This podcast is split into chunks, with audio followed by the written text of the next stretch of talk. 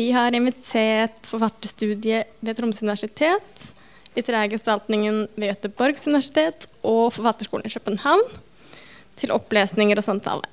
Eh, vi tenkte vi skulle begynne med opplesninger, sånn at vi kommer liksom litt i gang. Og den første til å lese opp er Molly Balsby Nilsen, som er født i 1993. Hun går første året på Forfatterskolen ved København og skal lese lyrisk kortprosa. Vær så god.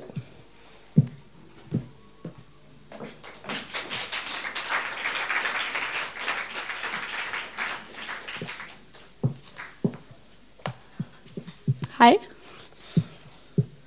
Søster.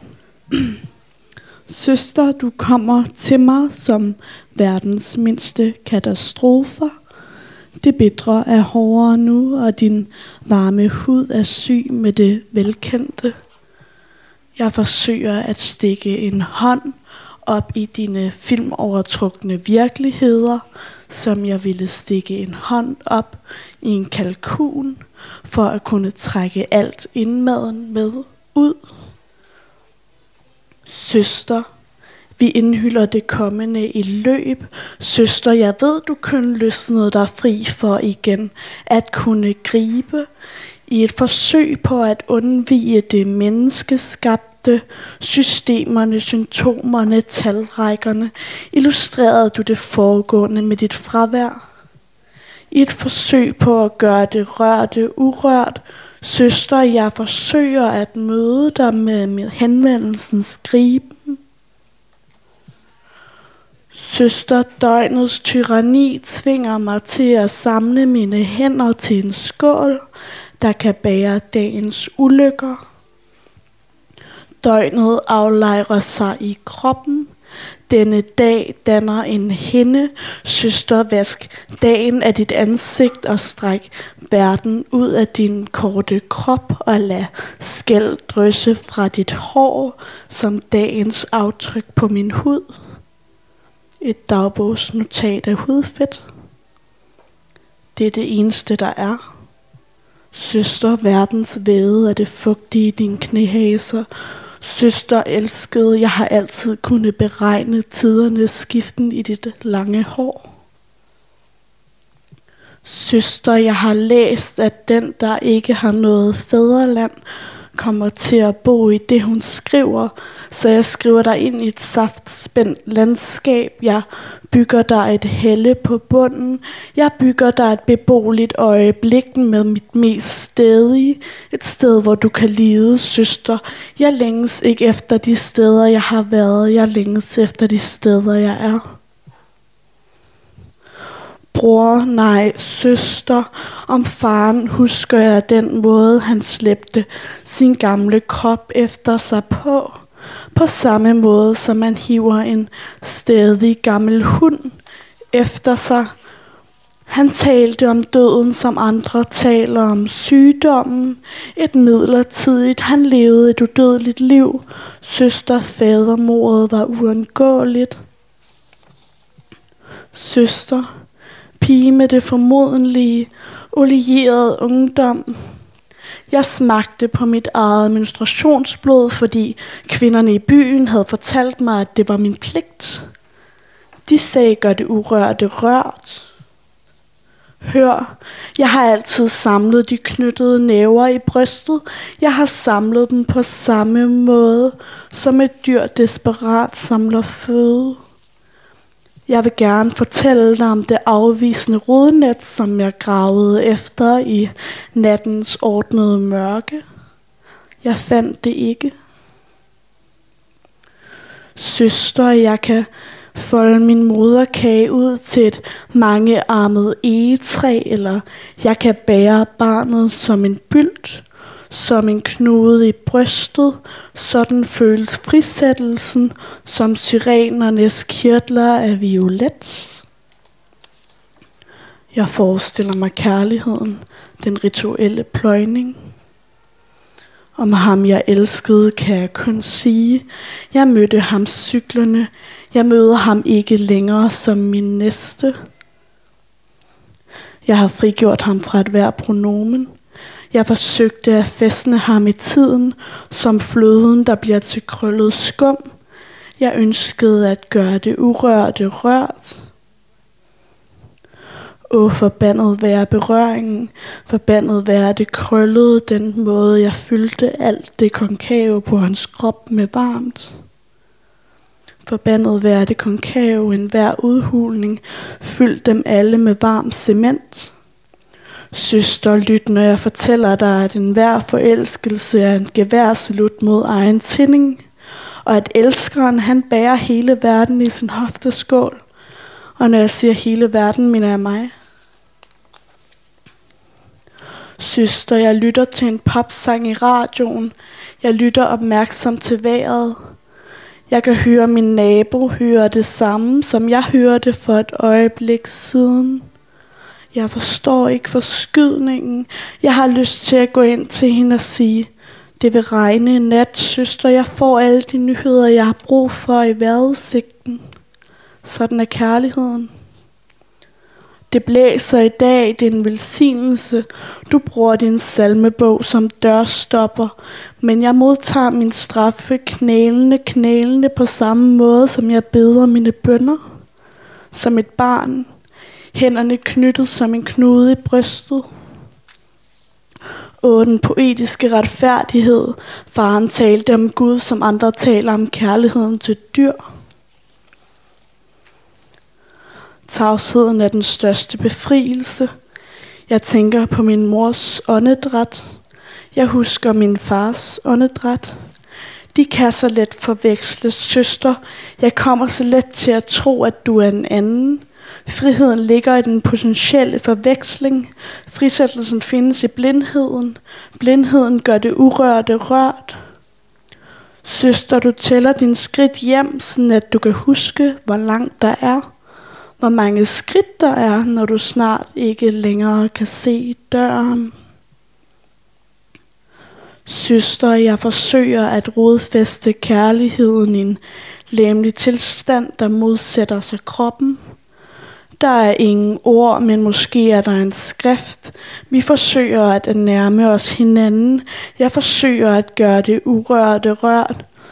Søster, dine velkendte sorg heler hurtigere, end hver udhulning fyldes. Foråret kommer, og vinden gør søen krøllet igen. Krøllet som fløden, nej, krøllet som det, man gemmer i hånden.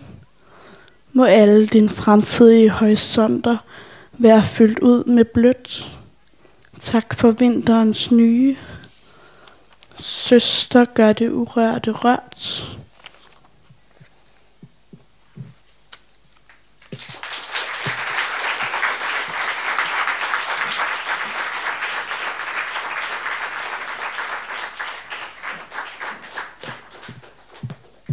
Neste som skal lese, er Mariann Aaland. Hun er født i 1981 og har gått på forfatterstudiet i Bø. Og er nå student ved forfatterstudiet ved Tromsø universitet. Og hun arbeider med et romanprosjekt som hun skal lese fra.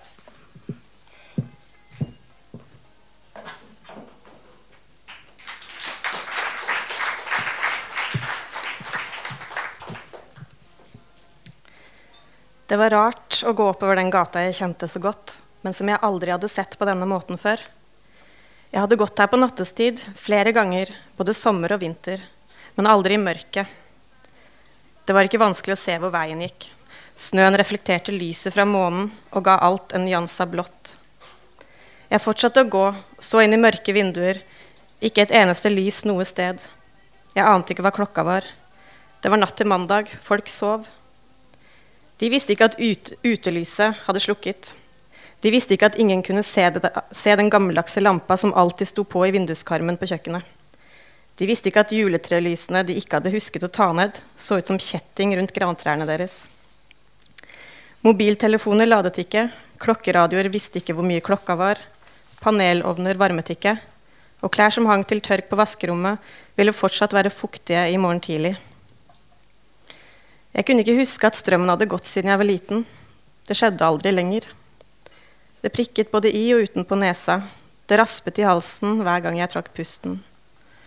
Jeg var halvveis på runden. Den som mamma og venninnen hennes pleide å mosjonere rundt. De løp ikke, de gikk fort. Og det var ingen lang runde. Den gikk bare rundt byggefeltet, så noen ganger gikk de den to ganger. Jeg var halvveis. Det var like langt begge veier. Jeg kunne like gjerne gå runden. Jeg hadde ikke spurt noen, men jeg antok at de hadde tatt pappa med seg i sykebilen. Eller hadde de ringt etter en annen bil etter at jeg dro? En likbil? Skulle han obduseres? Ble det gjort på det lokale sykehuset, eller måtte de kjøre han helt til Oslo? Kanskje lå han allerede på kjølerommet i kapellet ved siden av kirka. De hadde iallfall hentet han ut av huset. Det måtte de jo ha gjort. Han kunne ikke bare henge der. Huset til pappa lå ikke på runden. Jeg tok til venstre det jeg skulle tatt til høyre, og småjogget for å beholde følelsen i armer og bein. De for store støvlettene holdt på varmen. Føttene var det eneste stedet jeg ikke frøys. Jeg dro genserkragen opp til munnen og beit i den for å holde den der. Det hjalp litt. Jeg jogget forbi kiosken, hvor mørke skilt reklamerte for hamburgermeny og løvstek malt. Vanligvis ville jeg tatt den opplyste hovedveien, selv om den var litt lengre. Men nå som alt var like mørkt, tok jeg snarveien over den nedlagte jernbanestasjonen. Den gamle stasjonsbygningen ble brukt som lagringsplass. Jeg visste ikke for hva, men det var det alle sa. At det var så synd at den flotte, gamle bygningen ikke ble brukt som annet enn lagringsplass. Forrige gang jeg sto utenfor huset til faren min, hadde jeg hatt en plan. Det hadde jeg ikke nå. Snøen bort til huset var nesten helt nedtråkket. Det hadde gått mange føtter her siden jeg dro med politimannen Eivind. Noe hang på døra, eller foran døra. Jeg gikk helt bort og så at det var to store teipbiter festet i kryss over døra og dørkarmen. Det sto 'politi' på teipen.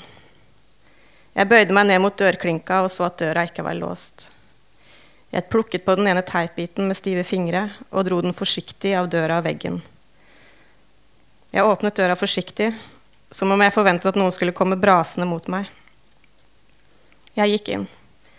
Jeg så nesten ikke noe og lot døra stå åpen for å få inn mest mulig av det bleike lyset. Alt så normalt ut, kjent. Ria på gulvet lå slik den pleide. Jakkene hans hang på knaggen. Jeg snudde meg sakte rundt for å se alt veldig nøye.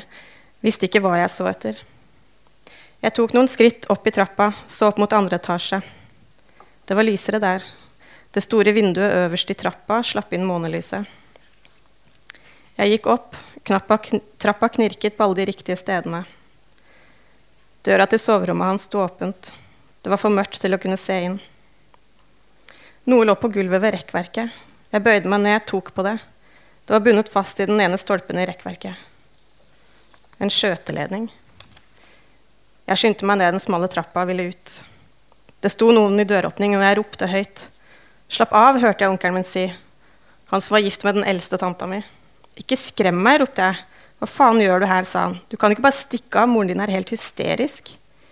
Jeg rakk ikke svare. Er du klar over hvor mye styr du har stelt i stand? Jeg har faen meg løpt langs elva og ropt etter deg. Han hevet stemmen. Faen heller, ropte han og tok rundt meg og presset meg hardt inntil seg. Du er iskald, sa han og plukket ned boblejakka til pappa fra knaggen. La den rundt meg. Kom, sa han og dyttet meg ut på trammen. Han lukket døra bak seg og festet polititeipen tilbake i kryss. Bilen hans sto med motoren på borte ved postkassene. Jeg satte meg inn i den varme kupeen. Takk og pris for at du er like hel, sa han og fant fram mobilen sin. Du trodde ikke seriøst jeg hadde hoppet i elva, sa jeg. Det er meg, sa han. Jeg fant henne. Hun er like hel. Han så ikke på meg da han sa det. Hos Stormod. Jeg hørte en damestemme, sikkert tanta mi. Si fra til de andre, og så kommer vi snart. Ta bare en liten runde. Han la på. Trodde du jeg hadde hoppet i elva, sa jeg. Onkelen min rygget ut på veien og kjørte i motsatt retning av huset til mamma. Jeg så han for meg der han løp langs elva og ropte navnet mitt. Hva er det du driver med? sa han. Jeg bor i motsatt retning, sa jeg. Jeg skjønner at du har det jævlig akkurat nå, men det blir ikke bedre av å skremme vettet av folk, sa han. Du kjører feil vei, sa jeg. Hallo, feil vei. Onkelen min stoppet bilen midt i veien. Han snudde seg mot meg. Jeg prøvde å se han i øynene, men blikket mitt flakket. Du må tenke litt på moren din også, sa han. Du kan ikke bare stikke av uten å si fra. Uten klær, uten sko. Jeg prøvde ikke å stikke av, sa jeg. Det var like før vi ringte politiet, sa han, og jeg begynte å grine. Det kom like overraskende på onkelen min som det gjorde på meg. Han kjørte litt lenger frem og inn på en sidevei, satte bilen i fri, dro opp håndbrekket. Jeg gråt. Det rant ut, helt ukontrollert. Jeg var ikke vant til det. Han sa ikke så mye, tok meg etter hvert på armen. Det er faktisk litt godt å se at du griner, sa han. Jeg tørket ansiktet med genseren. Hvorfor sa du ikke at du gikk, sa han. Jeg tenkte ikke over det, sa jeg. Jeg trengte luft, og så begynte jeg bare å gå. Jeg hadde ingen planer om å hoppe i elva, men takk for ideen.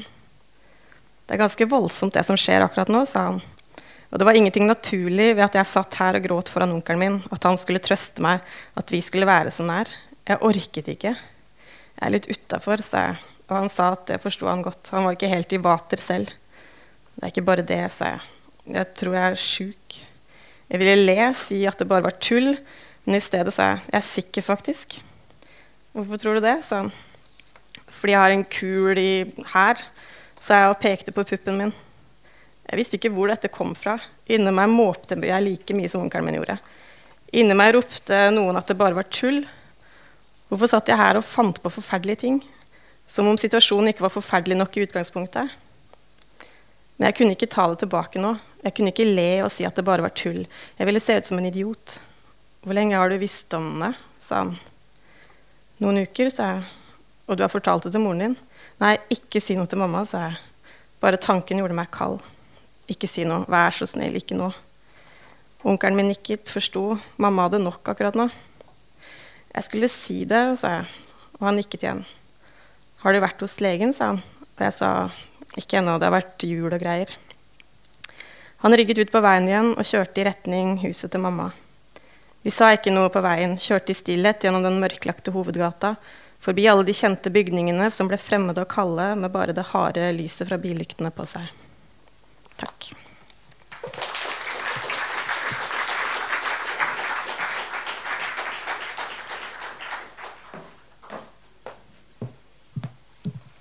Helena Fagertun har vært student ved Litterærgestaltningen og Skurups folkehøgskole sin skrivelinje. Hun har vært publisert i en rekke skandinaviske tidsskrift og oversatt Annis Nins 'Incestens hus' sammen med Helena Eriksson. Hun er også redaktør for nettidsskriftet 'Et lysende navn'. Vær så god.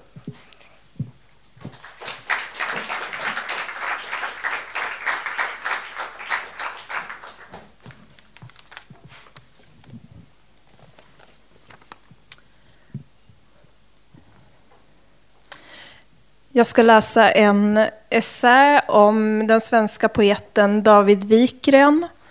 Och den här heter Jord och inom parentes ning. Jordning. Jag har sökt mig vidare. Jag kommer från där jag kommer från. Jag har återvänt till den vida åkern och står nu på ett vitt fält. Kärlen sökte sig ner mot marken och skapade sprickor. Ur dessa sprickor växte sedan mitt språk fram. Det flyger fåglar omkring mig med lika breda vingar som vingarnas färg. Här, i denna bild, är jag bara jag. Jag far snart härifrån. Då blir jag osäkrare. Jag kör till en annan bygd, samma landskap. Efter att ha lämnat landsvägen och gett mig in på en slingrigare stig tappar jag snart räkningen över övergivna hus. Går då in i ett av dem.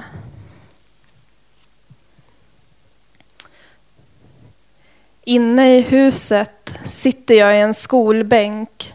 Den är robust av träslag från den omkringliggande skogen. Hela tiden brinner bränder utanför.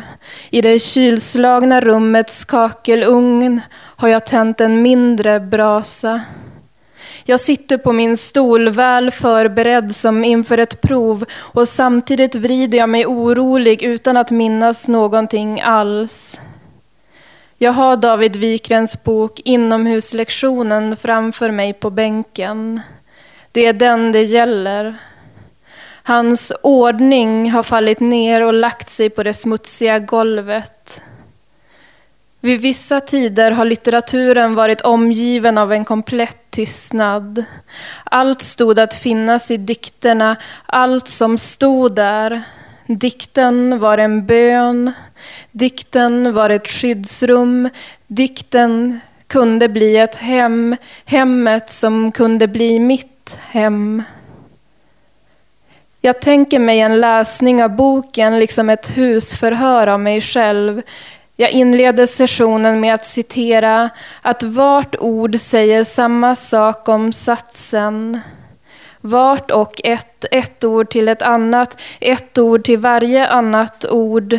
Det verkar vara en språkpraktik där orden och morfemen och morfemen och fonemen hela tiden är på väg in i och ut ur varandra och sig själva. En känsla av att det inte finns något ord som är mindre värt, mindre betydelsefullt än något annat. Detta leder till att särskilt de små ord man i vanliga, i språkets vardagliga fall tar för givet, plötsligt både fördriver och fördriver berättelsen och språket. Som när en homograf till vart ingår i att troligt är att elden ju varit orsakad antingen av pyrande askan från en utegrill eller av glödande cigarettfimp och vi växer och vart stora i orden. Vart. Detta ålderdomliga sätt att bli till, att säga blev, detta fortfarande ett dialektalt tillblivande.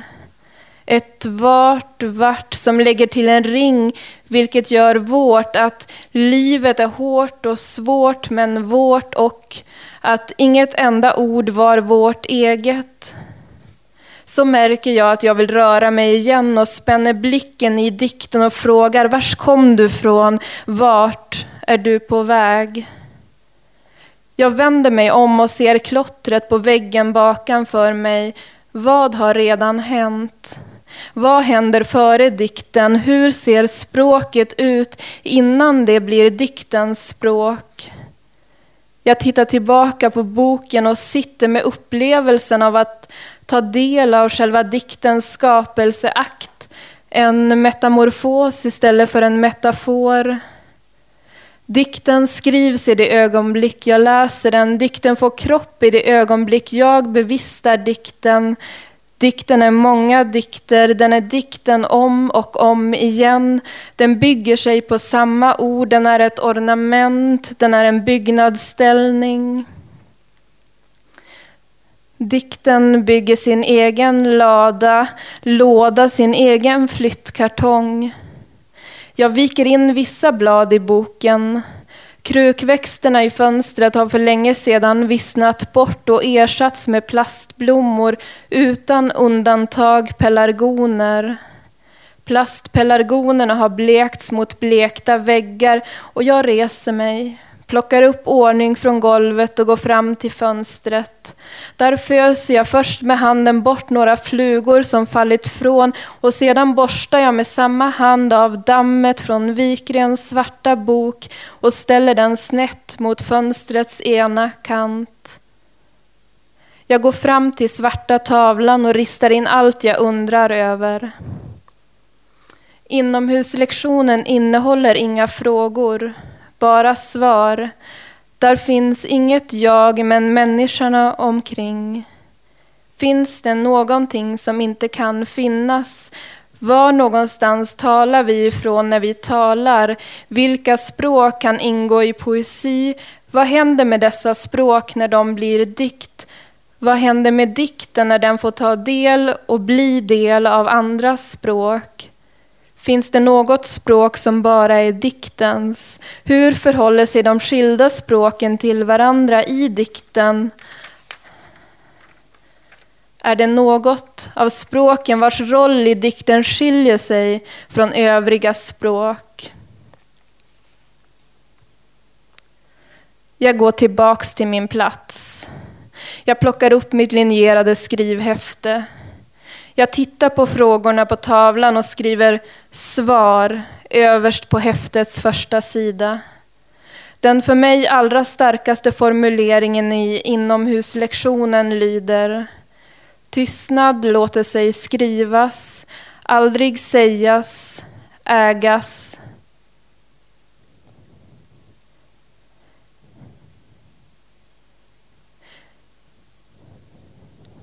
Jag tänker mig det som en poetik.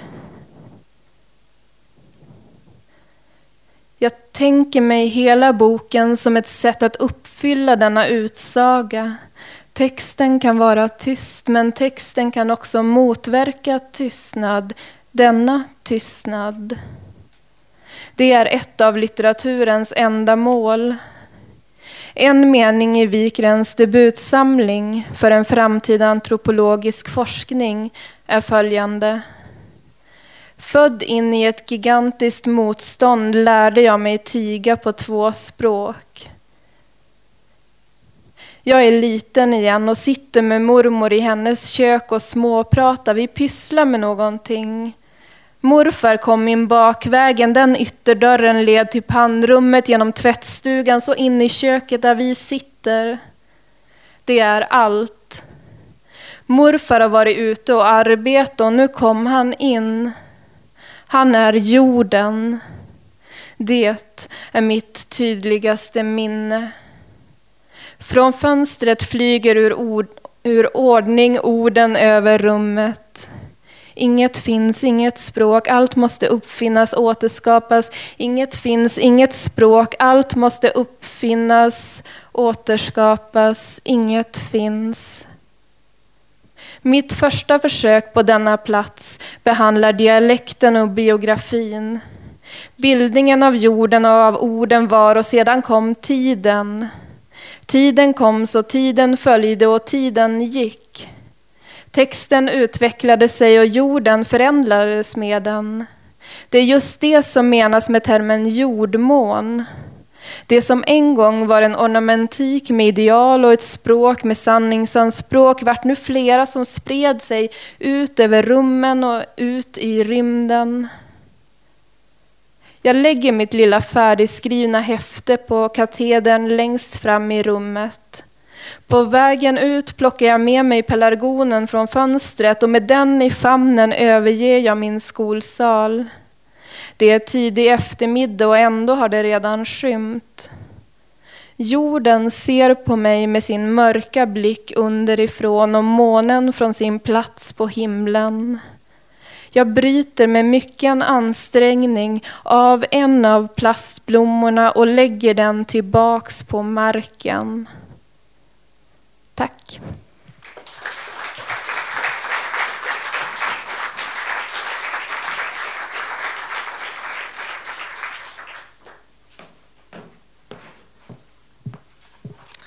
Anja Høvik Strømseth er en norsk poet og kunstner. Hun studerer ved Litterærgestaltningen, men har tidligere også gått på forfatterstudiet i Bø.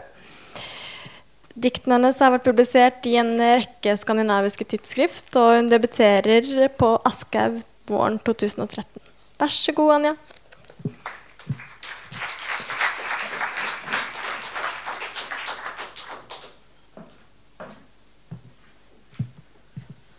Hei.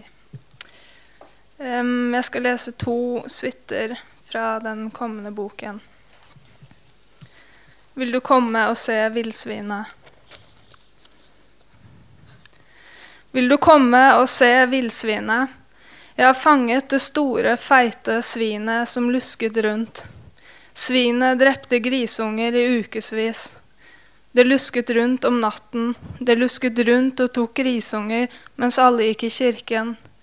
Jeg går ikke i kirken.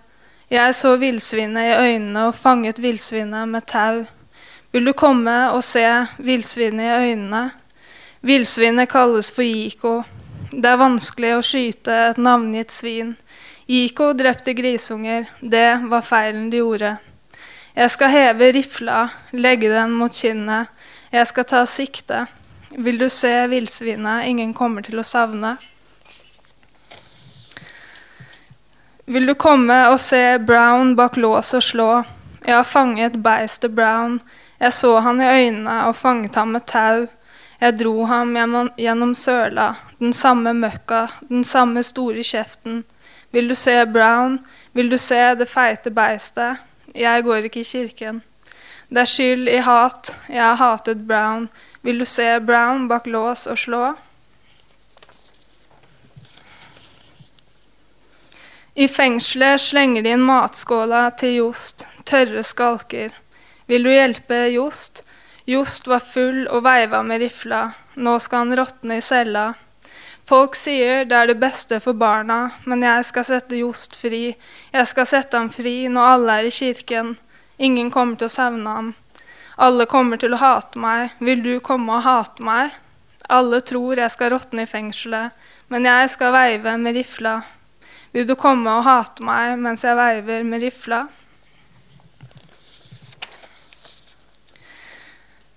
Jeg skal ta Mosa, jeg skal fange Mosa, jeg skal slenge et tau rundt den feite bringa.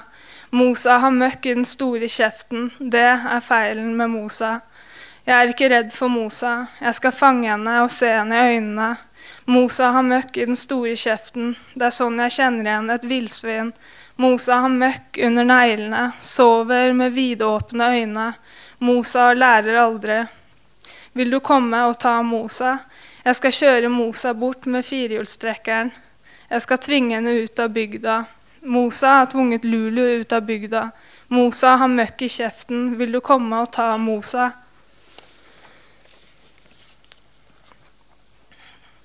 Uma selger arven billig for å spise.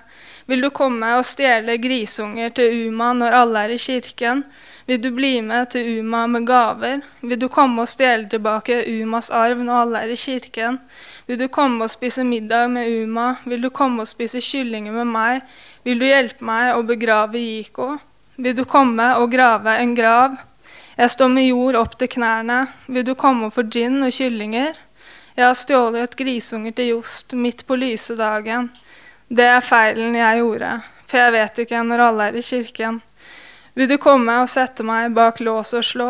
Vil du stjele grisunger? Um, og så en helt annen suite. Darth Vader.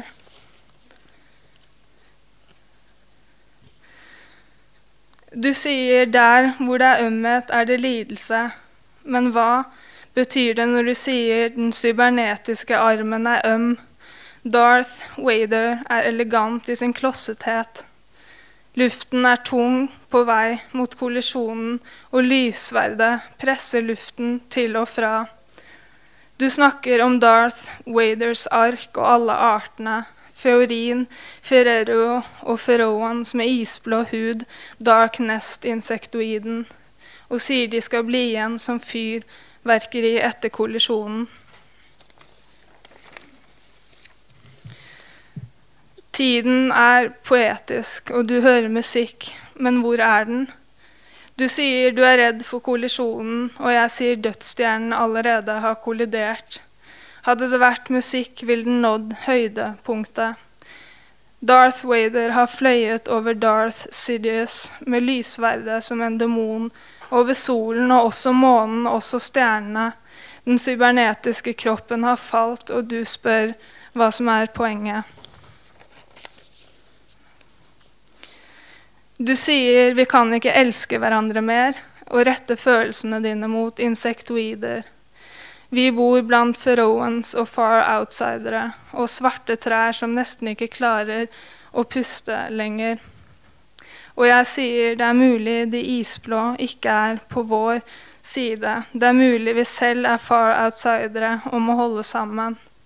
Men du sier hva er poenget når jeg likevel skal miste deg? Og jeg sier at vi allerede har mistet hverandre. At vi har blåst og blåst over Fros og Furere.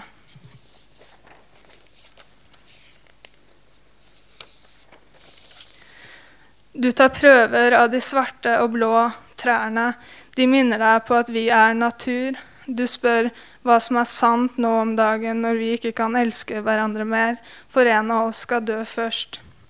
Jeg sier det er mulig at de svarte og blå.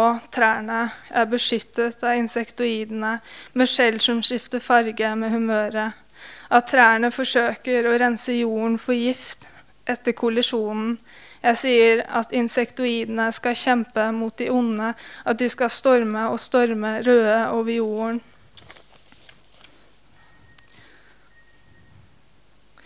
Insektoidene viser deg språket sitt. Du svarer ikk, ikk, okk okk når jeg spør deg om noe. Jeg sier vi kan ikke filosofere med vokaler og K, og du sier hvordan kan vi si noe til noen allikevel, hvilken verdi har ordene nå? Jeg sier insektoidene ser fremtiden gjennom de fuktige øynene. Spindelvevet som dekker trærne, skal gløde og lyse etter år fylt med gass. Du ber meg ikke bråke og peke på en glødende insektoid som har slått ut de oransje vingene. De er sjeldne og kommer og går, akkurat som kjærlighet. Før sa du alt er koder. At Firerre har hemmeligheter, og Fros og de glødende insektoidene, og trodde at det jeg sa, var en kode. Men jeg sier det er ingen kode. Det er mange koder inn i nye koder. Det er ikke vanskelig lenger at vi har mistet hverandre helt fra starten. Men du sier 'hva skal vi gjøre?' Og jeg sier 'la oss absorbere av et høyt, blått tre'. Takk.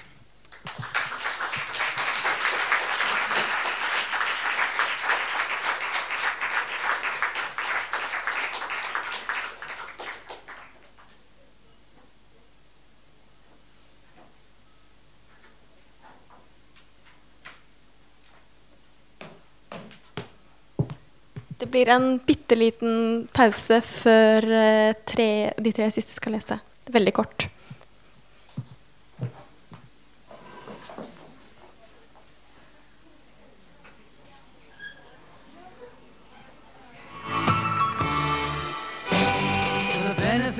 Mr. Kite, there will be a show tonight on trampoline. The Hendersons will all be there. Later, Pablo Frank is there. What a scene! Over men and horses, hoops and garters, lastly through a hogshead of real fire.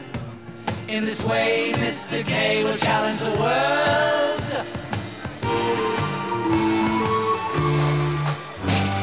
The celebrated Mr. K performs his feat on Saturday at Bishopsgate. The Hendersons will dance and sing as Mr. Kite flies through the ring. Don't be late.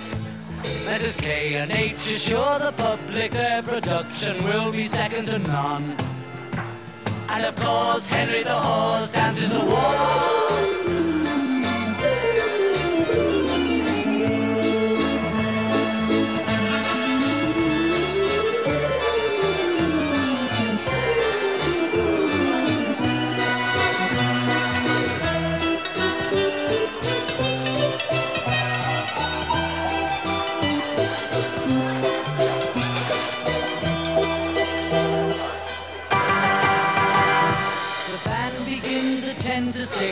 Mr. K performs his tricks without a sound. And Mr. H will demonstrate 10 Somersets he'll undertake on solid ground. Being been some days in preparation, a splendid time is guaranteed for all. And tonight, Mr. Kite is topping the bill.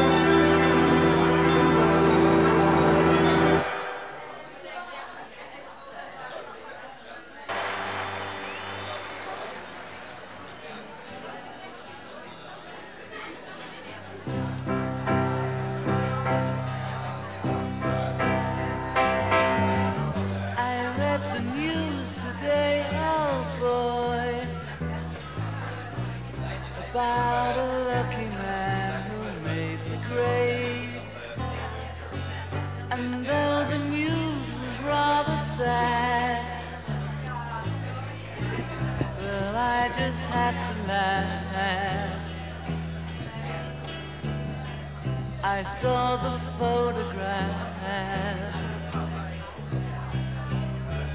He blew his mind out in a car. He didn't notice that the lights had changed.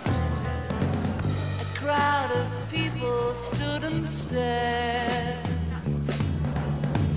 They'd seen his face before. Nobody was really sure if he was from the house of law. I saw a film today, oh boy. The English army had just won the war. A crowd of people turned away.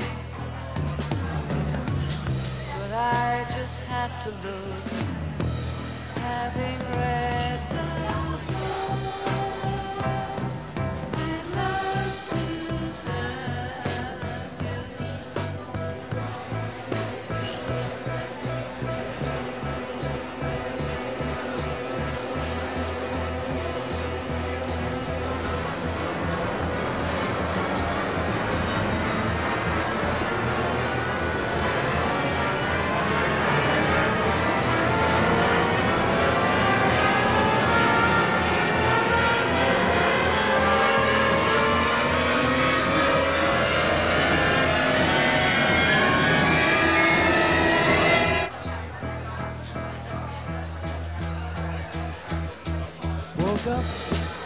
out of bed, dragged the comb across my head. Found my way downstairs and drank a cup. And looking up, I noticed I was late. Found my coat and grabbed my hat. Made the bus in seconds flat. Found my way upstairs and had a smoke. And somebody spoke and I went into a dream.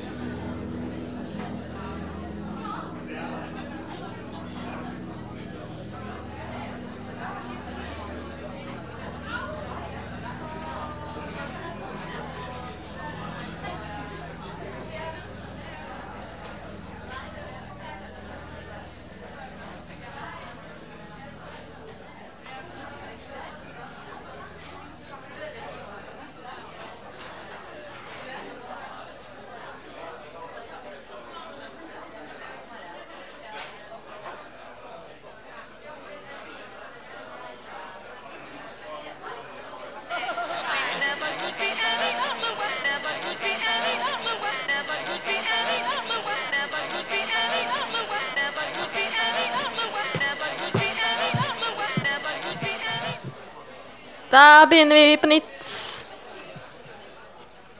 Det er bare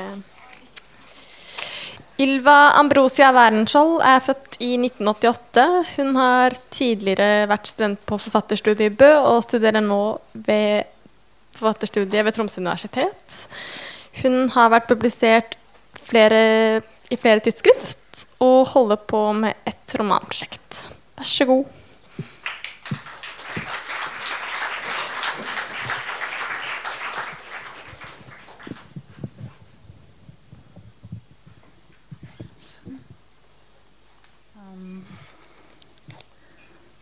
Det sjokkerende ved å ligne på sin kjødelige far.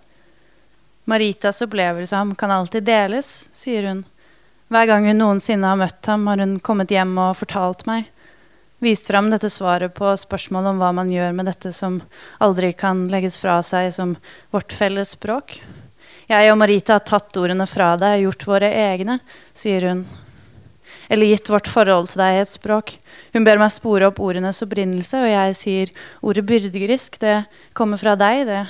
Det er et fint ord til å beskrive den tilstanden eller den handlingen man må unngå, passe seg for, dette ordet som for all del ikke må være grunnen til at hun eller jeg forteller om deg. Ordet byrdegrisk, det kommer fra deg. Det er det du kaller oss, og som vi kaller oss andre, kvinner kanskje. De som bare ligner på oss, oss andre. Hvis tragedier kan plukkes fra hverandre og betraktes. Fingrene hennes som ligner på dine, beina inne i hennes marg. Man skal ikke være byrdegrisk. Man skal ikke La henne lytte. Jeg forteller henne om de ulike planetene. Jeg forteller om den arabiske designen som skjuler seg bak en britisk boksalongstil på hotellet vi passerer, og hun nikker, og hun lytter. Eller jeg forteller om foreldrene mine, om barnet mitt, om henne. Jeg peker på månen og Mars og Jupiter, og hun lytter. Jeg forteller, og hun forteller om hvordan jeg alltid, når hun og jeg skal ut og spise, har følgende rutine. Vi venter utenfor. Servitøren går inn og sjekker om du er der. Sjekker alle bordene, toalettene, bakgården. Marita løper inn med dine lange bein. Jeg løper inn i hennes bein. Vet du, sier jeg det. Vi blinker ut fra parkeringsplassen igjen, og Marita fester setebeltet. Når jeg bodde i Stockholm, så bodde vi rett ved jernbanen, et kaldt strekk av byen hvor det alltid blåste. En gang ble jeg så sint på vinden at jeg klippet av meg alt håret. Når du hentet meg i barnehagen også, spør Marita. Da du hadde klippet håret av hodet, var du sint da også? Nei, da var jeg ikke sint. Da ville jeg bare ha forandring, men så angret jeg meg når jeg var kommet halvveis. Og så måtte du hente meg med hodetørkle på, sier Marita videre, og lener hodet mot, vindusruten mens jeg snakker videre om Stockholm, eller snakker videre om deg. Og vi er kanskje slik Eller jeg er ung og har en forestilling om at alt skal oppleves. Jeg kysser Ellens panne og Arnes kinn og reiser med kun håndbagasje. Og en dag står jeg i en bokhandel i Stockholm, og du er ung, går litt underlig, har en fiolinkasse på ryggen. Du har tynne, lange fingre som blar i bok etter bok i hylla om hagevekster og smådyr. Du har store, lyse krøller, og jeg glemmer et øyeblikk at jeg må ta bilde av deg. Jeg blir stående og kjenne rommets gravitasjonspunkt flytte seg inn i dette nye mennesket. Først etter tredje bilde ser du opp, og noe i blikket ditt får meg til å senke kameraet instinktivt. Det er for faen ikke laglig tatt fot av meg, sier du.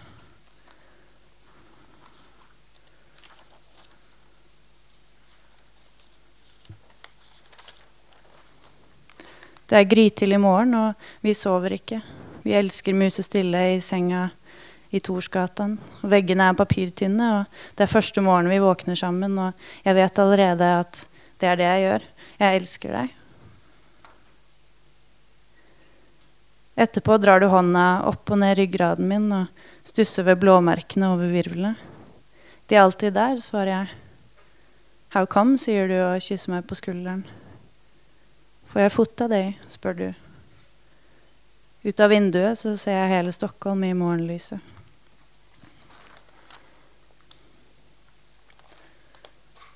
Det er noe helt nytt. Det skulle være noe helt nytt.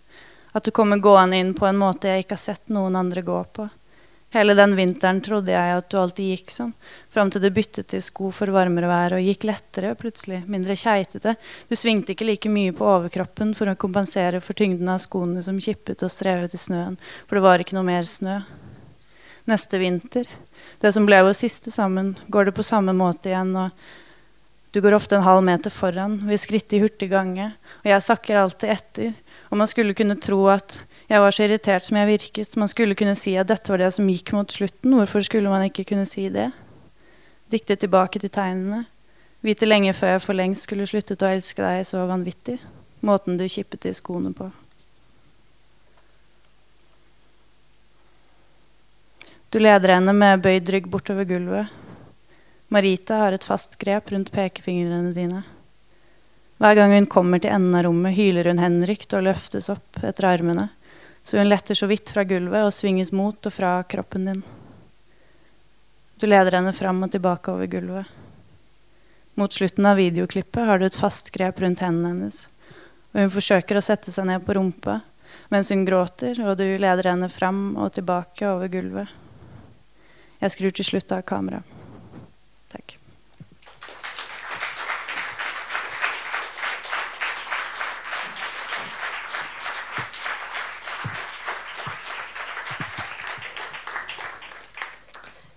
Cecilie Lind er født i 1991 og går første året på Forfatterskolen i København.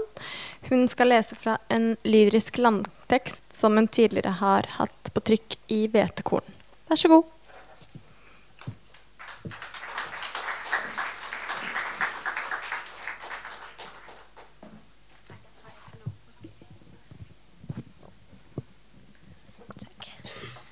Ja, det er en litt lang tekst, og den er dansk, og jeg vet ikke hvor mye jeg forstår. Men øh, nå må jeg lige ha litt tålmodighet. Den er lang. Jeg ser ikke noen grunn til å neglisjere gemene meningers mulige anstødspotentiale fortalt gennem kvidren vedrørende refleksjonssyge. Se det, se det, se det spejler udspyde mundviske syder sjældent for meget, for meget etableret stamme at stamme over at stamme fra noget. Det nytter noget at tætne omgivelser med ord, tiger strejfer i vind i andre ansigter, forpligter øjne, paranoid indkodet, aversion mod tyngde, modnes man, man, og jeg, man, jeg er jeg, man er jeg, jeg er dog ikke mand, men menneskelig mulig mutant, optaget af mangler af læber, forsejlet bestrider jeg forbudsfornuft for fugle og for fanden, fordi det diger i fingre ved ørkesløs lyst til upolæret lede ved distraktion. En mærkbar forvrænget dissonans skuer så pænt, så pyntet i sort, i sart, i snart effekteret pip, fjerner intuitiv forståelse for kronen på.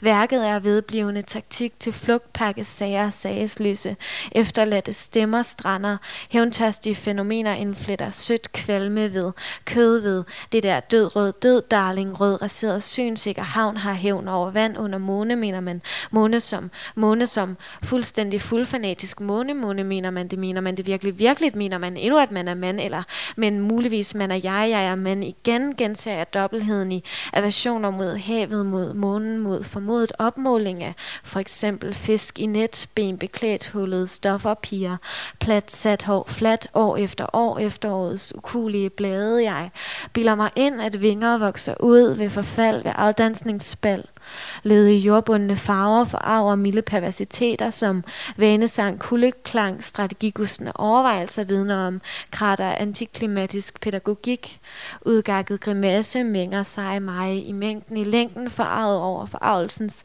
indbilske suk, i gang sat her og her, her, hersker prædikanter og ydmyge masturbanter, besidder ej og ej, seje smidige arme, arme idéer af kerne, afkrævet projektion, af naver det nytter at melde ud melde til, frafald for fanden endnu for fugle for fugle, lidt og ubesværet som sagt, arrogance og blomstring i pink sky, skitseret paradis dog, svæver ud åbenbar apati, skintet ule, nedsparket lyst til natlig fortrydelse, tænder sært på postulater om magi, minimani og utopi at ængstes over afmarcheret stramhed synes paradoxal valser, vel vil de trin træde som en træt, men stadig, stadig ublo i dans i bevægede læmer, Lauras trøst at græde ved indtagelse af vodka og ofte konsekvens af nære relationers udløbsfrist, jeg drister opbrud eller andet dramatisk indskud.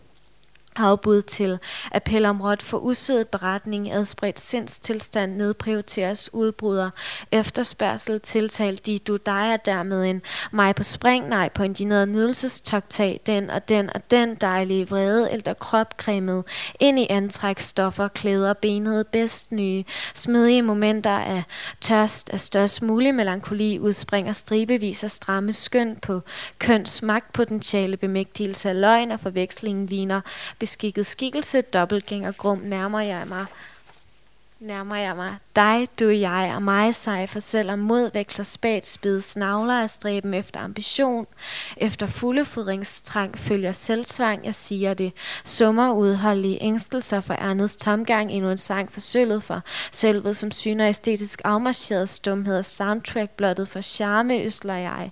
Slavementalitet hersker for helvede, stadig for fugle ved søer løslatte uden trusler om, om igen om. Nogen vil, vil de vel mene, mene, at labyrinter svækker lige frem gang, fordrer skridt tilegnet ruter, beroliger fødder på fremfærd, letter jeg i forbindelse med for eksempel regnbuers endegyldige genstridighed. Guldet gennem vægt, vakkert farvefænomen, myrder tro på skat, påskynd.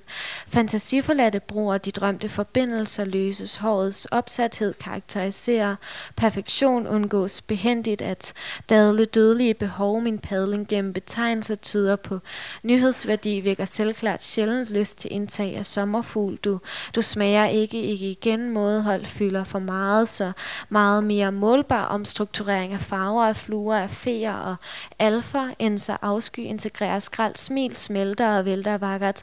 Barriere mennesker imellem, indimellem smiler jeg ikke jeg, smiler sjældent jeg, smiler aldrig i selskab med, for eksempel eget glukker glemmer subtile pupillers afmarcherede kys.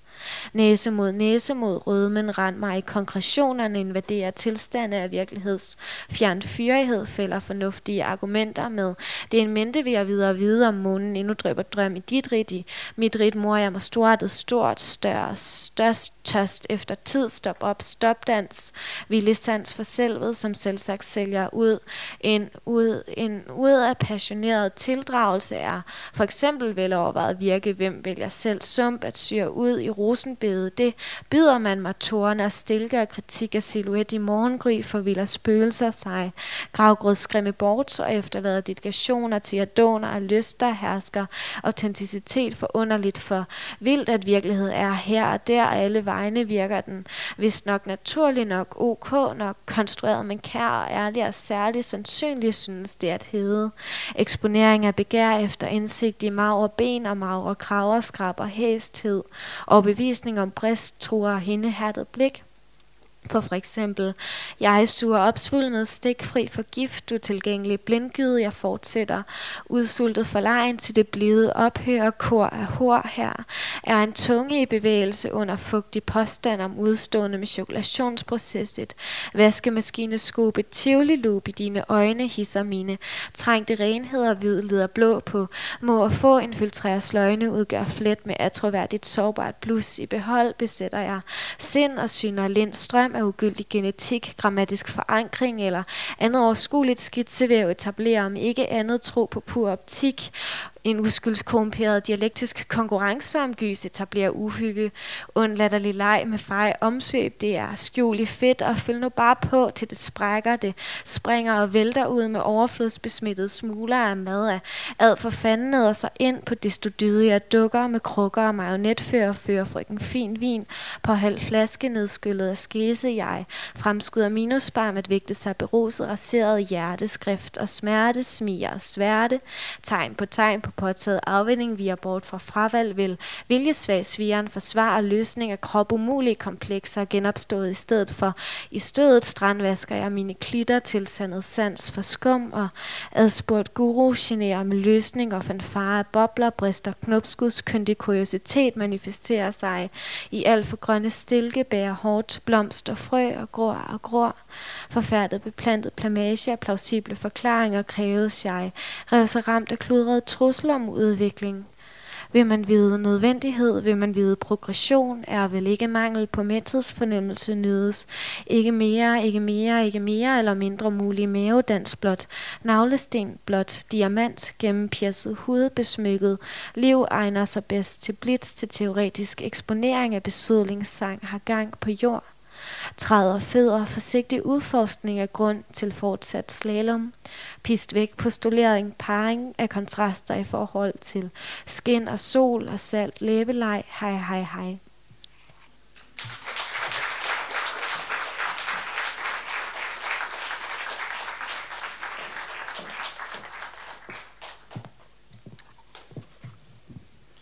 Yes, så er det kommet til eh, kveldens siste opplesning. Det er eh, Victoria Kielland, som er født i 1985. Hun er utdannet teaterviter fra Københavns universitet og har gått på forfatterstudiet Bø, og er nå student ved eh, forfatterstudiet Tromsø. Hun har også publisert tekster en rekke steder. Eh, etter Victoria har lest, så vil det være kanskje sånn fire-fem minutter før vi begynner samtalen, for vi må liksom få opp noen stoler og ordne litt. Så da er det bedre det. OK, vær så god.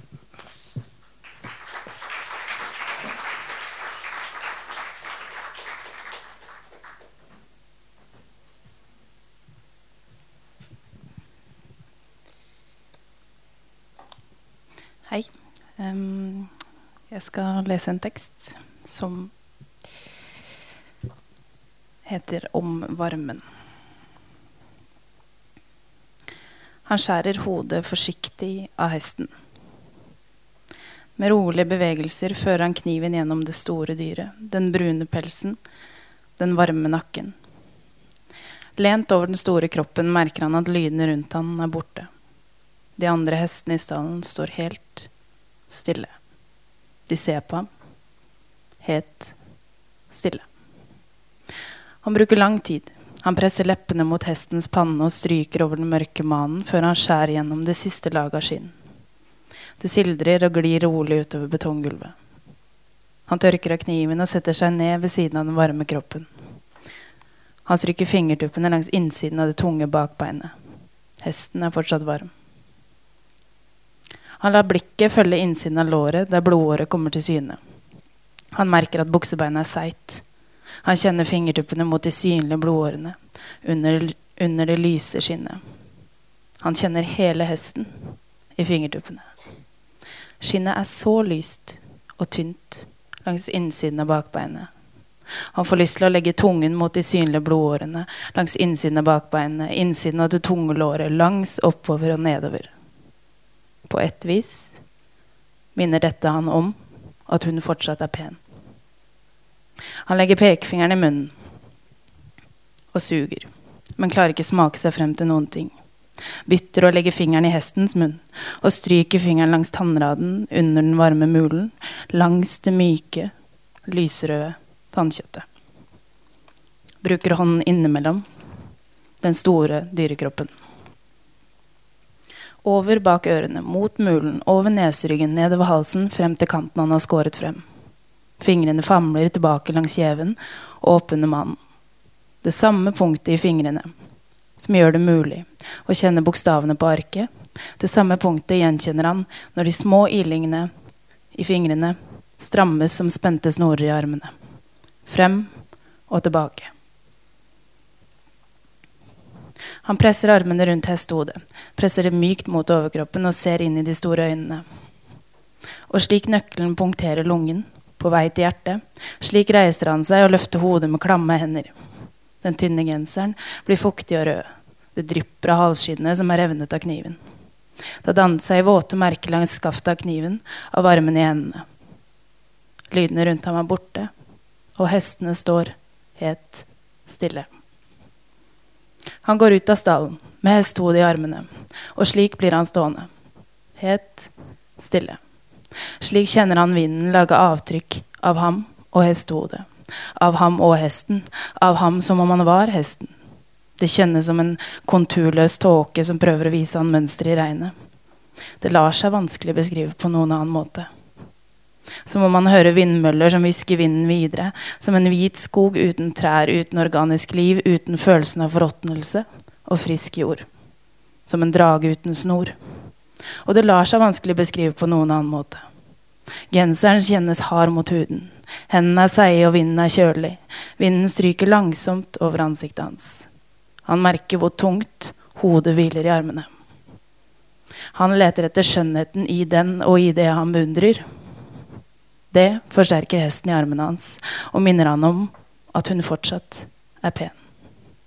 Han snur hodet og ser den avskårede kroppen som harde streker mot betonggulvet. Som om hun var tegnet med kullstift. Det lar seg vanskelig beskrive på en annen måte. Hun er fortsatt pen. Det mørke blodet finner stier nedover låret og, gi, og gir buksebeinet våte flekker. Han står utenfor stallen med hestehode i armene. Vinden kjennes kjølig.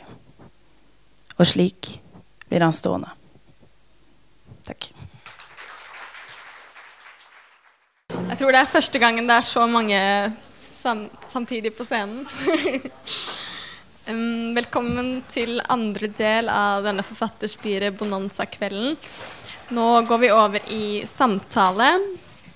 Og det er jo litt sånn interskandinavisk i dag, så jeg skal prøve å ta det litt rolig, sånn at uh, uh, alle får med seg spørsmålene. Eh, så ja. Mm. Jeg tenkte vi kunne begynne å fortelle kort om, om de forskjellige skolene. Hvordan foregår undervisning? Hvordan arbeider dere? Hva vektlegges? Osv. Og, og da kan vi jo begynne med den danske forfatterskolen. Om dere kunne fortelle, fortelle litt kort om uh, hvordan skolen, skolen, er, eller hva, hvilken Ja. øhm, vi arbejder med den metode, der blandt de nordiske forfatterskoler bliver kaldt den danske metode, som er en primavista-læsning, som betyder, at, at til hver tekstlæsning, som er en, en læsning, hvor alle lærere og elever mødes og læs, læser en persons tekst, Øhm, der får man først udleveret teksten samtidig med, med tekstlæsning, så man ikke når at, at, at læse den før og danne nogle meninger om den før. Øhm, og den, blev der, den metode blev der argumenteret stærkt for på det forfatterskoleseminar, der var her i starten af året. Øhm, jeg ved, at ingen af de andre forfatterskoler anvender den metode, øhm, men det er den eneste metode, vi anvender på forfatterskolen. Øhm. Nej, ikke andet altså, end at understrege, at det må jeg sige, at det giver sådan ligesom rum for en meget måske spontan udlægning af, hvad man, hvad man mener om en tekst, og der er ligesom også rum for, altså vi tager det ikke i nogen rækkefølge som først tema, og så sprogbrug og sådan noget, altså det er virkelig sådan, at man skal sige noget, når man føler, man siger noget, men øh, selvfølgelig tager samtalen altid form af en eller anden retning, der drejer sig med bestemt fokus på teksten, men det er sådan, som udgangspunkt meget frit, øh, hvad man kredser sig om på teksten. Øh, ja. Og så er måske også en stor forskel på den danske forfatterskole og de andre nordiske forfatterskoler, at vi ikke på den måde arbejder med temaer. For eksempel så skriver vi et essay, så skriver vi digte, så skriver vi prosa. Vi, som vores rektor ynder og, og understreger, så vi er en kunstskole. Og de andre skoler er håndværkerskoler. øh, og det bliver ligesom, i praksis fungerer det i, i forhold til, at vi bare laver det, vi vil. Vi skal bare aflevere noget, og så bliver det set som en tekst. Jeg kan bare informere om at uh, det var et seminar på Testrup høgskole i januar, var det ikke det? Stemmer det? Der hvor alle de nordiske forfatterskolene var samlet eh, for å diskutere forfatterskolenes fremtid. Og det skal munne ut i en publikasjon. Um, jeg tror er meningen skal komme i løpet av april. Um, og at det da var uh, krangel, var det det? Krangel mellom de skandinaviske forfatterskolene etter at uh, den danske rektoren påpekte at det var bare den danske forfatterskolen som var uh, en kunstskole. De ekte avantgardene. Så mm. Men vi kan gå videre til Tromsø. Håndverkerne. um, uh, Liv Lundberg, som er professor og som driver forfatterstudiet der oppe, jobbet altså Vi skal snakke om altså Hun har jobbet veldig for å flytte eh, forfatterstudiet over fra universitetet hvor det lå sammen med de andre språkfagene, og over på Kunstakademiet. Um, eh, de fikk mindre midler med seg, men det, har gjort veldig mye bra for hvordan man, altså hvordan man snakker om tekst i forhold til andre typer kunst, og ser på det som en, en utøvende kunstform. Um, som ja, jeg tror i hvert fall jeg og flere av vi som går der, er um, veldig glad for um, at hun har gjort. Men vi, ja, vi uh, eller jeg går påbygningsåret, som er et andre år hvor man jobber med samme prosjekt eh, gjennom hele året. Så det er ikke sjangerbasert. Det er det på grunnkursåret. Um, uh, ja.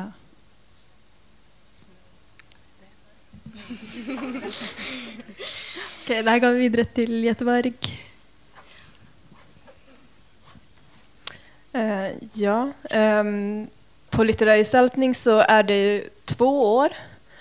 Och där är det väl i princip påbyggnadsår båda åren. Det finns lite som ni pratar om, inte, inte så att man skriver någonting annat än det man vill någon gång, utan det är det förväntas nästan när man börjar att man ska veta vad man vill hålla på med och om inte det undersöka det. Eh, sen så själva grundstrukturen är att man har två veckor med lektioner väldigt intensivt i Göteborg. Och så sen så är det fyra veckor som är någon slags mellanperiod som är till för skrivtid. Och så sen två veckor i Göteborg, fyra veckor utanför och så, och så vidare. Och de veckorna i Göteborg går väl ganska mycket, jag tror ungefär hälften är textsamtal i halvklass, vilket då blir sex personer, det är tolv som går kursen samtidigt. Um, och då har man en halv dag, två och en halv timme, bara till sin egen tekst. Eh, och alla får en sån, en sån halvdag per period, så att ganska stor del går till just textsamtal. Og alle er veldig forberedte til tekstsamtale. Hvordan, hvordan gjøres det i København? Er, det, er tekstkritikk eh, Er det hoved... Er det det som liksom utgjør hovedandelen i deres undervisningsplan, eller uh, tekstkritikk? Altså tilbakemelding og Øhm, jo, altså det er meget fokuseret på selve tekstkritik-sessionen. Vi har også nogle kulturfag. Vi har sådan vi har undervisning to dage om ugen, mandag tirsdag, og vi har tekstlæsning fra 9 til 12, hvor vi fokuserer på en enkelt elevs tekst. Og det er så altså tre timer med kritik på en tekst. Og så har vi nogle kulturfag om eftermiddagen, men det er helt klart selve tekstlæsning og kritikken, der er i, i fokus. Hva med Tromsø? Hvordan er det der? Um, vi kan i hvert fall nevne at vi er, det er jo lagt opp som et fjernstudium. Um, um, det er jo en helt sentral del av studiet. At folk med fulltidsjobb og barn også kan reise dit og dra dit. Uh, så vi har samlinger fra torsdag til søndag som oftest. Um, tre ganger i halvåret. Og da, er, da skal man ha lest alle tekstene på forhånd, og så møtes man og diskuterer innad i klassen hva, hva man syns. Men vi har jo vanvittig gode gjestelærere også, som er, bidrar til, til veldig mye bra diskusjon. Ja. Det er annerledes i Göteborg, for der har dere faste lærere, eller stemmer ikke det? Både och. Ja, det är ett par fasta lärare. När jag gick var det tre som varierade lite mellan dem där. Men nu är det två fasta lärare. Men sen så är det ju väldigt många, många besök av andra också. Men lärarna är fasta så att de håller textsamtalen till exempel. Och det, sånn er det i, Göteborg, nei, i København nå? Det er faste lærere, stemmer ikke det? Jo. Jo. Jeg tenker um, om det er noen klare inspirasjonskilder i det fellesskapet som dere utgjør dere imellom på forfatterstudiene. Om det går an å finne noen eh, klare inspirasjonskilder. Om man stjeler fra hverandre? Um,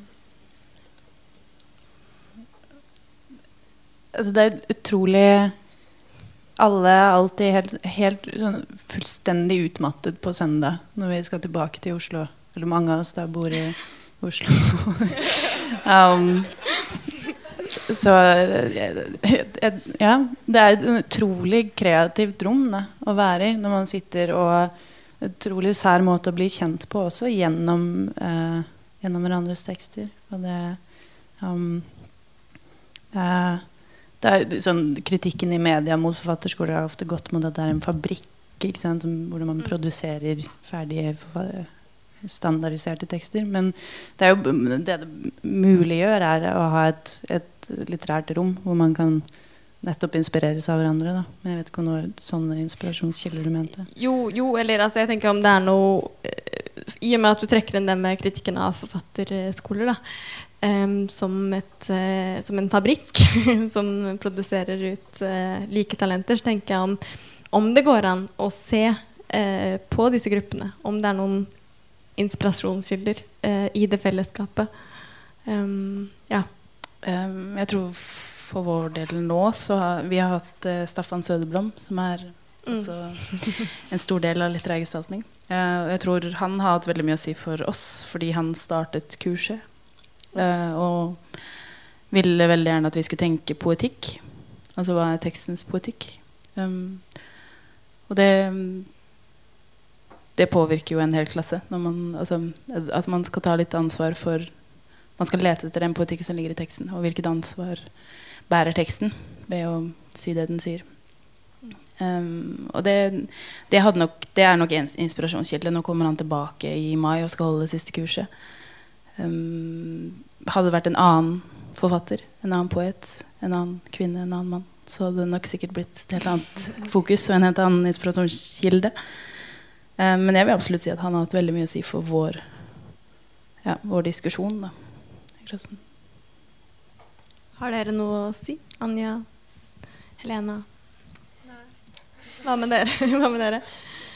Har dere noen Øhm, altså vores primære inspirationskilder er jo nok hinanden, men jeg mener også vores, øh, vores lærere i høj grad øhm, også okay. fungerer som mentorer og inspirationskilder. Øhm, det er et krav, at alle vores lærere skal være aktive forfattere. Øhm, de skal udgive, mens de arbejder på skolen, og de skal være aktive i det litterære miljø, og de skal have nogle ret klart definerede politikker, eller sådan, virker det som om, især en, en af vores lærere, Lars Skinnebak, mm.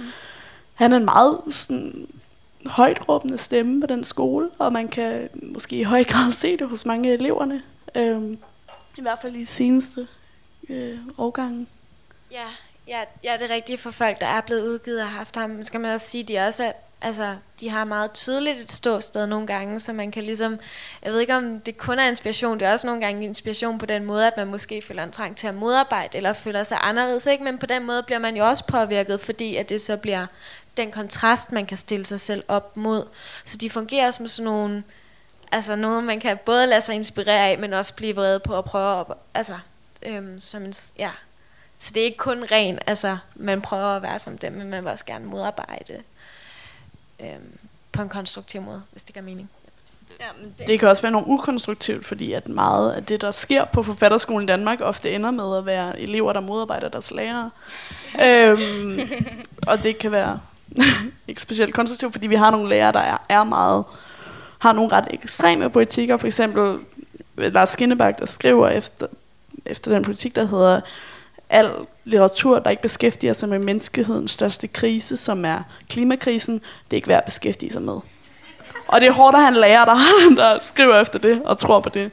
Så. Men udover det, at de jo, de jo åbne over for, hvad elevernes projekter er, hvad eleverne har i tankerne og sådan noget. Så det er ikke sådan, det bliver, det bliver overhovedet ikke lagt ned over hovedet på os, men de har nogle, det gør det, nej, det ved jeg ikke, altså de har et standpunkt, og så kan man så forholde sig til det, og jeg er uenig i den politiske udgangspunkt, men jeg synes, de går godt til ud over det i læsningen, men selvfølgelig præger det dem.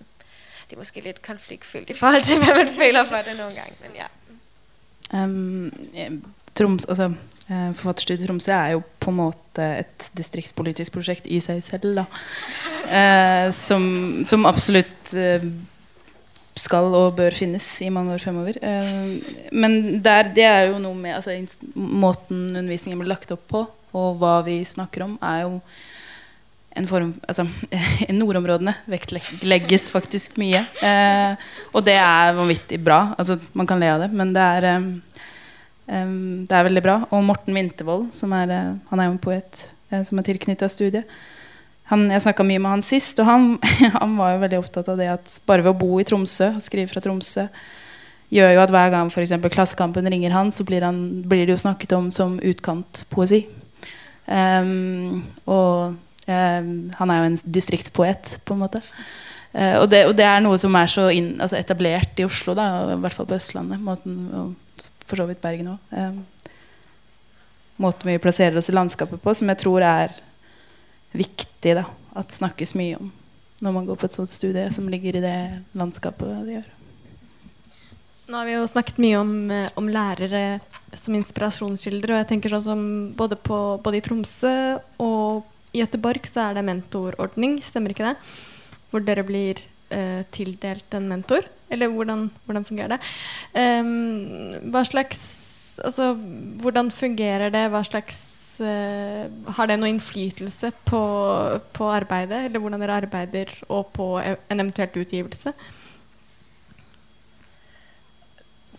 Jag tror att på litterär gestaltning så har i alla fall de tidigare varit väldigt mycket så ett ganska traditionellt handledarskap att, att den som går på kursen lämnar in text till handledaren, handledaren läser, sen träffas man eller på något annat sätt har en texthandledning. Eh, det får du säga emot hur det ser ut nu, men jag vet att när jag började då försökte de komma bort ifrån den formen lite grann. Och det här är då 2008 till 2010 och ville gärna att vi skulle göra någonting annat med våra handledare, att vi på något sätt skulle prata om litteratur men utan att det var det här att jag är elev, du är handledare, jag lämnar in text, du svarar på det.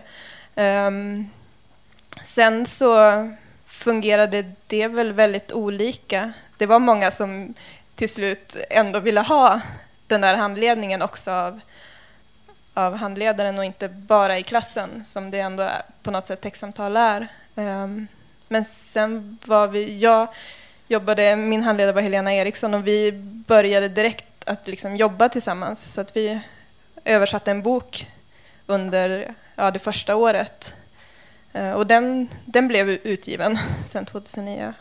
Och vi har också fortsatt efteråt så, så visst, det, för mig kanske, hon har kanske inte betytt jättemycket för mitt liksom, egna skrivande, men däremot så har hon betytt mycket, eller det sätt vi jobbade på har betytt mycket för hur jag tänker mig att skrivandet kan vidgas.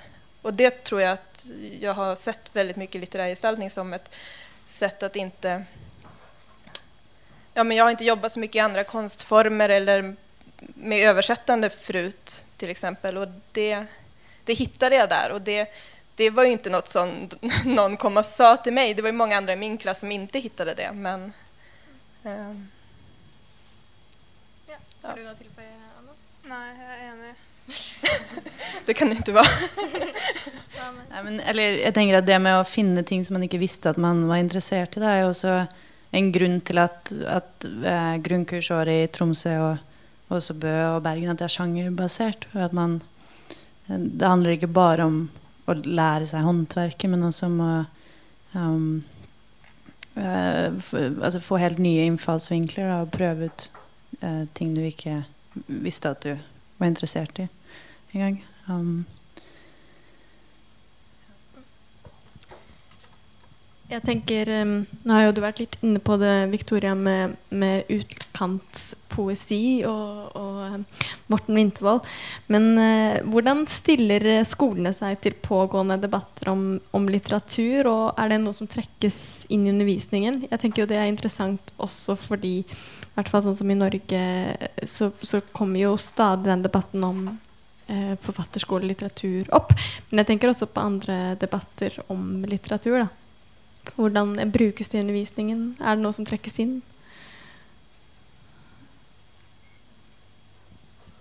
Um, jeg er faktisk ikke helt sikker, fordi jeg føler ofte at det er noe vi mangler. Um, at der er en hel masse elefanter i rommet som vi ikke taler om. Fordi um, der har, fordi der er enormt mange sådan, igangværende diskusjoner i Danmark i øyeblikket. Der er lige blevet en blog, der hedder Promenaden, øhm, som er flere af de største danske forfattere i øjeblikket, der skriver nogle til tider ret provokerende indlæg, øhm, som har skabt en del debat i dagspressen og i alle medier. Øhm, og jeg synes, det er noget, vi undgår at tale om. Fordi at, ja, det er måske ikke lige det rum, de, eller de mener måske ikke, der er plads til rum. Måske også fordi flere af lærerne er en del af promenaden. Øhm, og jeg tror, det er sådan i alle litterære miljøer, det er ofte enormt indspist. Og det er svært at tage nogle af de debatter op. Altså jeg tænker vel, det også er fordi, de ligesom vil lade det være et rum for teksten, og ikke alt muligt udenom snak.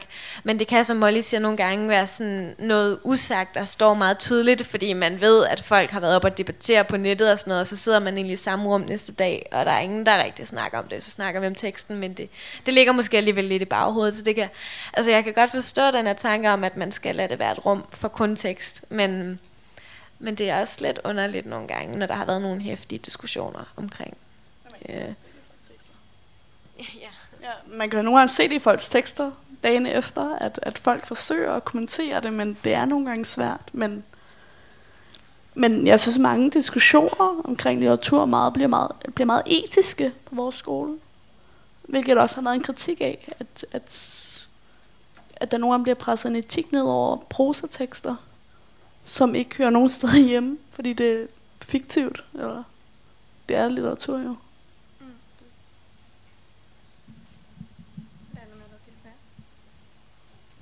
Den debatten om at eh, eh, den danske forfatterskolen er avantgarden, ble jo også nevnt eh, på vår siste samling. Eh, og Liv Lundberg som den eneste professor etter Eldre Lunden i, i skriv, skrivekunst.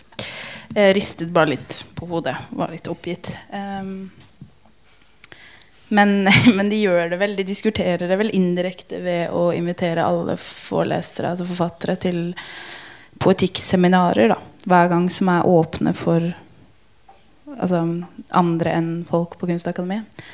Og det ser vi jo at det kommer jo flere og flere. Eh, på disse, sånn som Sist hadde vi Tur Erik Lund som holdt et ganske langt poetikkforedrag, som var veldig, veldig fint. Um, så, så det er jo et forsøk kanskje litt sånn indirekte på å diskutere noe. Men det diskuteres ikke så mye sånn høylytt. Nei.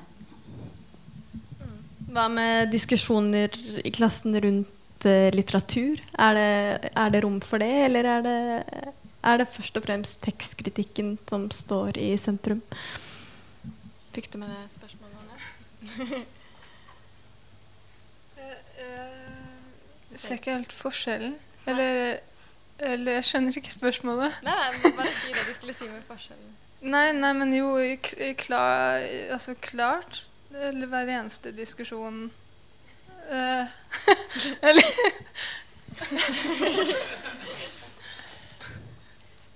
Jeg tenker jo at en sak som kanskje gjør det både enklere og svårare å føre den diskusjonen på litterær gestaltning sammenlignet med på forfatterskolen, det er jo att det så tydligt är tre språk, tre litterära kulturer som möts och att det är så väldigt mycket Ja, men jag som svensk jag har väldigt, väldigt dålig koll på den danska litteraturscenen. Jag har väldigt dålig koll på vilka diskussioner som förs där.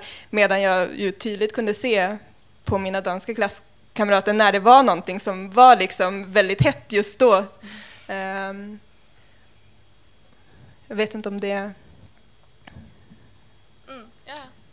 For det er vel eh, til opplysning at litterærgestaltningen er vel den skolen som er mest interskandinavisk, i og med at de tar inn relativt mange både norske Jeg vet ikke hvor mange går det er norske, svenske og danske elever der nå. En norsk og to danske. Mens, hvordan er det på forfatterskolen? Er det noen um, norske har finlandssvensker. Ja. Um,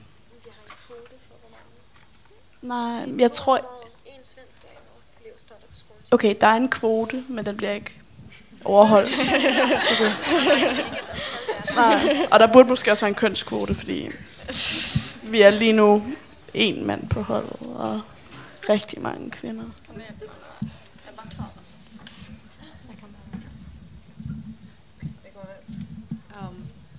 Det har ikke vært noe kjønnskvotering i Tromsø som har resultert i at vi er 14 jenter og én mann. Eller 14 kvinner og én mann. Uh, ser, vi er bare jenter som kvinner som sitter uh, her nå også. Uh, jeg tror er, vi er overrepresentert Ja, på er forfatterstudier. sånn er det jo. Um, tror- det kan av mange forskjellige grunner, men det, det å bety, altså, ha et eget rom er eh, Opplever dere at skolen har en bestemt holdning til hva som oppleves som litterært? Ja. ja, nei, men det er meget tydelig at, at som jeg fortalte om før, der blir helt klart abonneret på en, en særlig politikk. og, og, og der er det også en idé om, hva, hva der er riktig litteratur, og til tider er, at, at tekster er blitt kalt poppet, og det er i en veldig negativ forstand, og der er det helt klart, det er det, oplever jeg i hvert fald, at der er en, en skælden mellem, hvad der er rigtig litteratur, og hvad der er mainstream eller poppet eller uden ikke særlig forfatterskoleagtigt. Det, Det handler vel om sammensetningen av gjestelærere, tenker jeg. At uh, hvis man ja, har ulike uh, forfattere med ulike syn på hva, hva litteratur kan være i løpet av året. Så Og det er dere i Tromsø. ja. Jeg tenker nå at det mest handler om, eller vil nå tro at det mest handler om sammensetningen av klassen.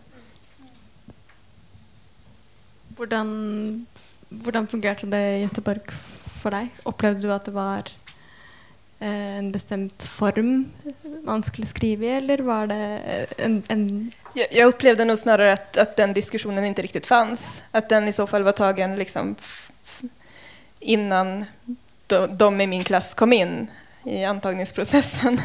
Ehm, Men visst, det, det, det är självklart att folk ibland lämnar in sämre texter. Men det ser jag som en liten annan diskussion. Um. Hva med hva er, Anja? Opplever du det samme som henne? Ja, jeg er enig um, igjen. um,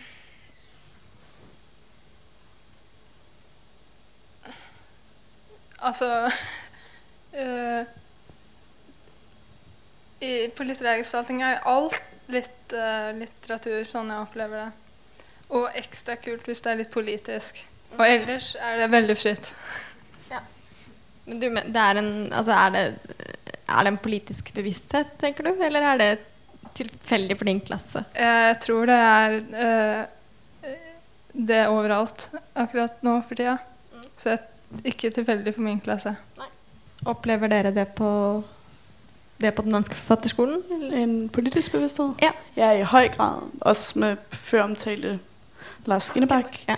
øhm, som nok i høj grad har, har givet os skolen en, en politisk bevidsthed, som måske også har været der før, men jeg tror i høj grad, han er en... Ja, ja og, sådan, og der er den, den ofte etiske diskussioner, som måske bliver meget alben menneskelige, og måske når ud over det sådan, tekstlæsningsrummet, øhm, som jeg ikke rigtig kan finde ud af, om jeg synes er negativt eller positivt. Fordi det er nogle diskussioner, der skal tages, men jeg ved ikke, om de skal tages netop i et rum, hvor man skriver fiktive tekster. Hva med Tromsø? Er det noe uh, jeg syns det er ganske mildt, egentlig. Uh, det er veldig få som vil plassere seg poli altså ekstremt politisk i den ene eller den andre retningen, egentlig. Og hvis man spør, så vil det vel egentlig ikke si så mye. Jeg føler jo også at det er en sterkere tendens i, i hvert fall det danske litteraturmiljøet å skrive politisk og også uttale seg om at det er det man gjør, enn det er i Norge. Så det kan også være at det er med på fargeforfatterskolene. Jeg tenker sånn som i Tromsø, hvor dere Har dere hatt noen lærere som i utgangspunktet har gått inn og sagt at de skriver politisk, annet enn ja, Morten Wintvold gjør vel heller ikke det som eksplisitt? Nei. Det tror jeg er absolutt pålagt utenfra. Eller sånn. Ja. Men, men jeg vil tro at um, det, altså disse første årene som finnes i Bø og i Bergen og i Tromsø, er jo et, er jo et forsøk på at folk skal lære seg å skrive skikkelig dårlig for å få muligheten til å gjøre noe bra. um, og så er jo, som det eneste studiet i Norge som har et annet år, så er jo Liv Lundberg, som styrer skuta, veldig opptatt av at man skal ta konsekvensene av det man skriver. Um, så får man velge hvordan man vil tolke det. Men det syns jeg er ganske mye tydeligere enn hva jeg opplevde i Bø. Du har jo også gått i Bø, Anja. Eh, det er vel Kan du si noe om Eller kan du si noe om Det er kanskje ikke noe Forskjellen er jo enorm. Eh, Forskjellen er enorm, ja. ja. Syns du Altså Altså, hvordan vil du si at den politiske bevisstheten er, er så tydelig i Göteborg i forhold til Bø? Eller altså, var den ikke til stede i det hele tatt i Bø, eller? Nei, jeg tror ikke forskjellen egentlig går på politisk bevissthet. Eller jeg tror Altså, det er jo eh, forskjeller i forhold til at Bø er jo et øvelsesår, mens Litteraturforvaltningen er jo en toårig skole hvor man utvikler et manus. Så det, Ja. jo, det trenger man jo ikke å Men den politiske bevisstheten kommer jo fra gjestelærerne uansett. Men, men um, Altså, det er ulike trender antageligvis i Norge og, Sverige. I Sverige er alt politikk, f.eks. eh, men eh, den, eh, den politiske Altså, vi var yngre, hele gjengen, liksom. Ehm, mm. Hvilken betydning har forfatterskolen for deres litterære utvikling? Nå har vi litt vært innom det, men vi kan jo prøve å ta en runde hvor alle sammen prøver å si noe om det. Er det noen som har lyst til å starte? Du Helene har jo sagt litt. Du sa jo litt om det i stad. Sa jeg litt om det? Ehm, jag har väl varit lite, jag kan säga lite till om det. Eh, jag gick Skurup skrivarlinje i två år direkt efter gymnasiet. Eh, och efter det började jag plugga och slutade skriva helt. Och när jag kom in på litterär gestaltning kom jag in med två, tre år gamla texter för att jag inte hade skrivit. Så för mig har det verkligen varit ett rum att skriva i och nästan så att jag inte har haft något rum utanför det. Och har också haft ganska svårt att liksom hitta det efter litterär gestaltning, även om jag känner att det har varit lättare. Men så just den där tiden och just det där att ja, men det är det jag ska göra just här och nu, det har betytt väldigt mycket för mig. Ja, tiden. Spesielt tiden. Eh, konsentrert eh, En veldig konsentrert periode med mye input og rask utvikling av så konsentrert tid og så kontinuerlig dialog. Det har vært veldig viktig. Ja. Og en del andre ting, men Ja, jeg hadde et opphold på ett år. mellom, det er bra du husker det. Mellom Bø og Tromsø. Og ja, skjønt, det, det er fint å ha noen som eh, Det er fint med den strukturen som skriveskoler gir. Den er veldig um, Man lærer veldig mye av det, så man kan internalisere og bruke videre selv. um, jeg tenker vel kanskje Det kan jo ha noe med forskjellen på, den, på de norske systemet og det danske, i hvert fall. Uh, det er jo egentlig snakk om bare økonomiske rammer. Altså få penger fra Lånekassa, og så, og så gjøre det på heltid. Um, I Danmark får man vel SU, em, hvor man får penger. Man låner ikke penger. Uh, så det blir en helt annen måte å tenke Altså prioritere, rett og slett. Um, og så skal man jo bli komfortabel med det. Altså det er jo sånn Kiran, Kiran Andresen, en forfatter, sa vel til oss at naboen hans hadde kommet bort en dag og spurt hva, om han, hva var det han satt og drev med. Sitter du bare og finner på ting? og det er jo noe med at man skal bli komfortabel med det. da Og sitte og finne på ting. Um, og, og tillate seg å gjøre det og låne penger. Mm. Det var, hvordan vi har det med å gå på skolen, eller hva det betyder. Ja, bare litt.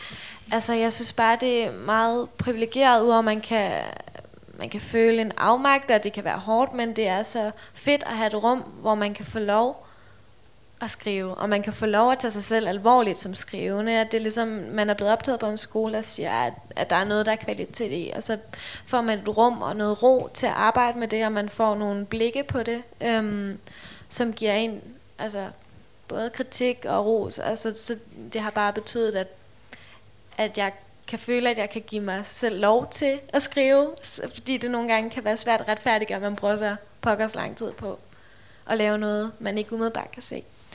Og så øh, speed ens proces op med, at man sidder i et rum, hvor mange andre også skriver og forstår, hvad man laver. Altså også rent sådan, i forhold til at blive forstået med, hvad det er for et projekt, man er gang i.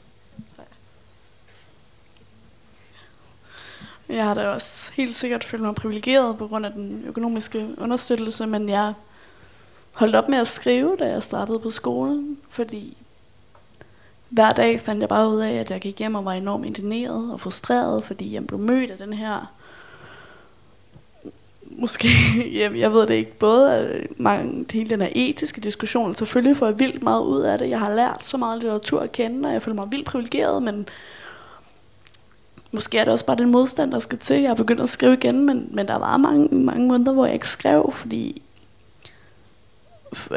fordi jeg var, blev vildt provokeret hver dag, og jeg forsøgte at skrive op mod de ting, jeg blev bedt om at skrive.